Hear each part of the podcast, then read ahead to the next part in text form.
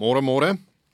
Terwyl ek en jy lekker in die donker sit sonder krag, het Eskom nou kwytskelding gekry van die nasionale tesourie om verslag te doen oor sy onreëlmatige en verkwiste uitgawes. So ja, terwyl ek en jy wonder oor waar Eskom oral geld gemors het, waar daar geld gesteel is, hoef Eskom volgens die tesourie nie verslag daaroor te doen nie. Dit hoef nie in sy finansiële state vir die afgelope boekjaar te wees nie, ook nie vir die 2023-24 boekjaar of vir die 2024-25 boekjaar nie. So vir vir die volgende 3 jaar uh trek Eskom 'n uh, sluier oor uh korrupsie uh, by die kragverskaffer en onreëlmatige en verkwiste uitgawes. Die minister van Finansies en nog Kodongwana sê dis nie die geval nie. Hier is maar eintlik net 'n tegniese storie wat hulle probeer uitvind of probeer uitwerk. Uh so rekenkundig uh, gaan dit dan sleg lyk op die boeke as Eskom uh aanhou om onreëlmatige en verkwiste uitgawes te rapporteer en hy sê dit is eintlik nie nodig nie, dit is net in oudit gevalle waar dit nodig is. Wel, ons wil weet. Ek dink uh, ons wil weet waar is daar geld gemors? Ons wil weet hoeveel Eskom betaal vir sy moppe wat hy aankoop of vir uh die gloeilampe wat hy aankoop en so voorts. Uh Godongwana wat gesê dit sal steeds gedoen word, maar dit gaan net nie in die finansiële verslae wees nie. Dit gaan elders anders sal daardie verslae en uh oor die onreëlmatige uitgawes bekend gemaak word.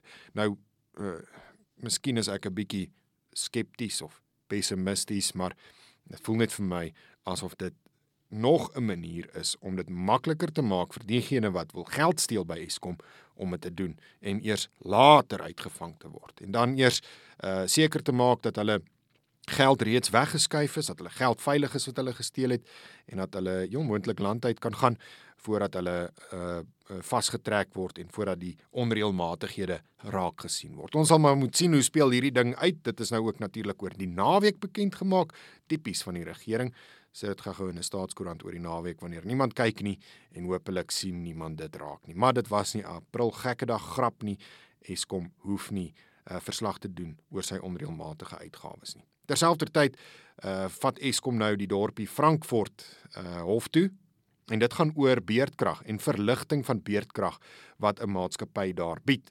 Eskom wil nie hê dat beerdkrag verlig moet word daar nie. Hy sê die dorpie uh, maak dit uh, baie moeilik vir hulle om uh, voldoende beerdkrag toe te pas in Frankfurt en die dorp wat nou self wil veg om seker te maak uh, dat beerdkrag verminder kan word. Kan jy dit glo? Hier is iemand met 'n oplossing vir beerdkrag. Uh, hulle het genoeg krag om aan die dorp krag te voorsien en dan sê Eskom, "Skus, julle moet die goed afskakel sodat ons kan hou by die beerdkragskedule, anders maak julle dit te moeilik vir ons." Dan weet ons nie wanneer om julle krag af te skakel en wanneer nie.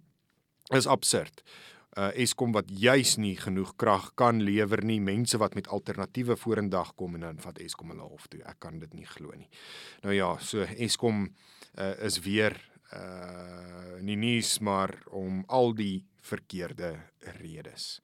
Dan uh die DA se kongres die naweek, John Steenhuisen wat weer as 'n as die leier van die party verkies is, hy sal die party lei tot in die 2024 verkiesing en uh die verkiesingstoesprake wat reeds begin het. Steenhuisen wat gister gesê die DA beskou die EFF as politieke vyand nommer 1.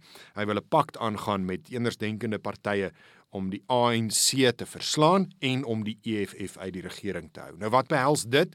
Eerstens, die ANC moet onder 50% gekry word en dan moet die ANC so ver onder 50% gekry word dat indien hy selfs saam met die EFF wil werk, as hy 'n 'n onheilige koalisie met die EFF wil aangaan om steeds te regeer, dat dit nie moontlik gaan wees nie.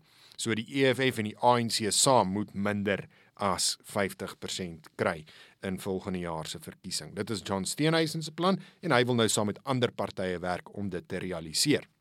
Ander partye soos die VF+ en Action SA het dit natuurlik verwelkom, maar ook gesê, uh meneer Steenhuisen, daar is reeds uh, werk wat gedoen word aan so 'n reënboog koalisie en julle is welkom om by hierdie reënboog koalisie aan te sluit en ek dink die uh, oppositiepartye wil ook aan die DA op 'n manier wys dat uh, net omdat hulle die meerderheid steun dalk steeds het uh, as 'n oppositieparty dat hulle die tweede grootste party is in die parlement, beteken nie dat hulle die septer kan swaai as dit kom by hierdie veelparty koalisie gesprekke nie.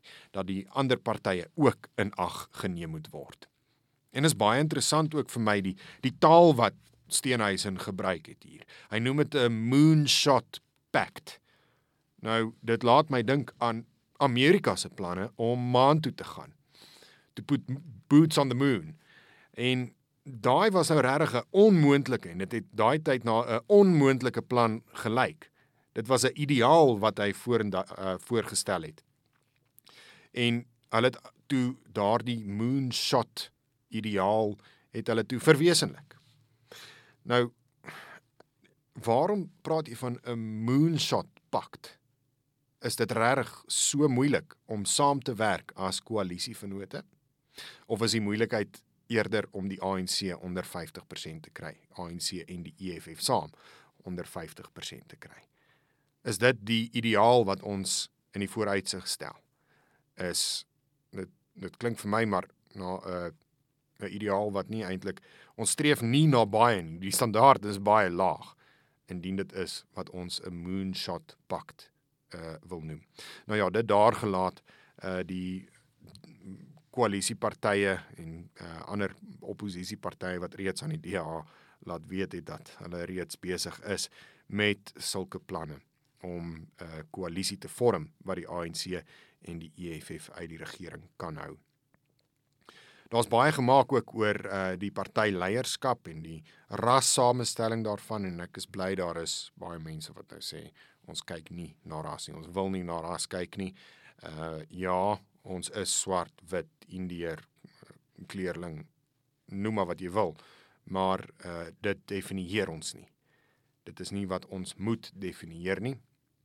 En ek stem heel hartig saam daarmee. Mens moet nie te veel hamer op die ras van jou leiers nie, kyk eerder na hulle idees wat hulle beoog om te doen en besluit dan daarvolgens of jy met daardie party kan saamwerk of jy met daardie party kan saamstem en of jy inderdaad vir daardie party kan stem.